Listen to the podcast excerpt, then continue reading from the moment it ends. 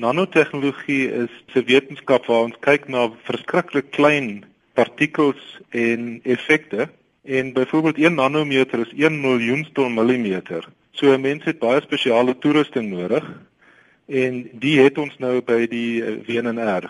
Spesifiek in hierdie geval praat ons van nanoklei wat bestaan uit baie dun klein plaatjies wat bestaan uit silikon, waterstof, aluminium en suurstof en in sommige gevalle um, ook magnesium en so aan. Die spesifieke klei wat ons in belangstel is montmorillonit. Dit is 'n klei wat gepak is deur hierdie verskillende klein plaatjies so speelkaarte en dit kan gebruik word vir baie toepassings. Hoe lyk nanoklei? As 'n mens kyk na die kleur van dit, dan kan dit van wit wees tot bietjie bruin of 'n mens weet as jy nou iemand het wat 'n plaas het, dan kry jy ook kleigrond wat baie swart is en die kleur hang daarvan af wat in die klei self is.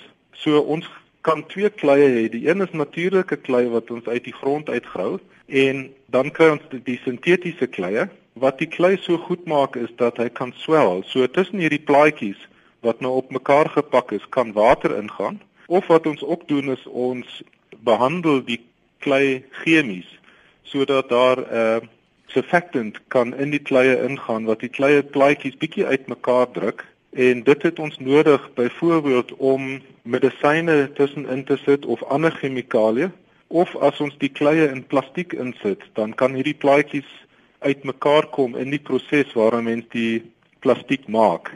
Nou wat maak 'n produk wat van nanoklei gemaak is of nanoklei in het anders as 'n ander produk? As 'n mens um, dink aan 'n plastiek, dan is dit amper polymeerkettinge, is amper so spaghetti.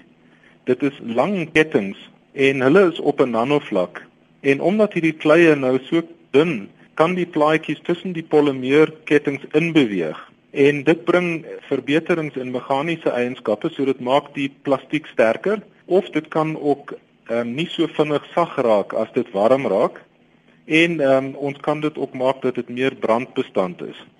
As ek nou praat van 'n uh, lipstifie, gaan ja. daai lipstifie dan nou nie so maklik smelt nie. In 'n mate kan ek sê miskien. Dit is een van die dinge van navorsing. Ou sal nou moet sien 'n spesifieke toepassing wat dit kan meebring as 'n mens nou nanoklei insit. In 'n mate is jy reg. As 'n mens produkte het en jy wil hulle meer stabiel hê, dan kan jy nanokleie insit om 'n struktuur daar te skep wat die produk meer stabiel maak.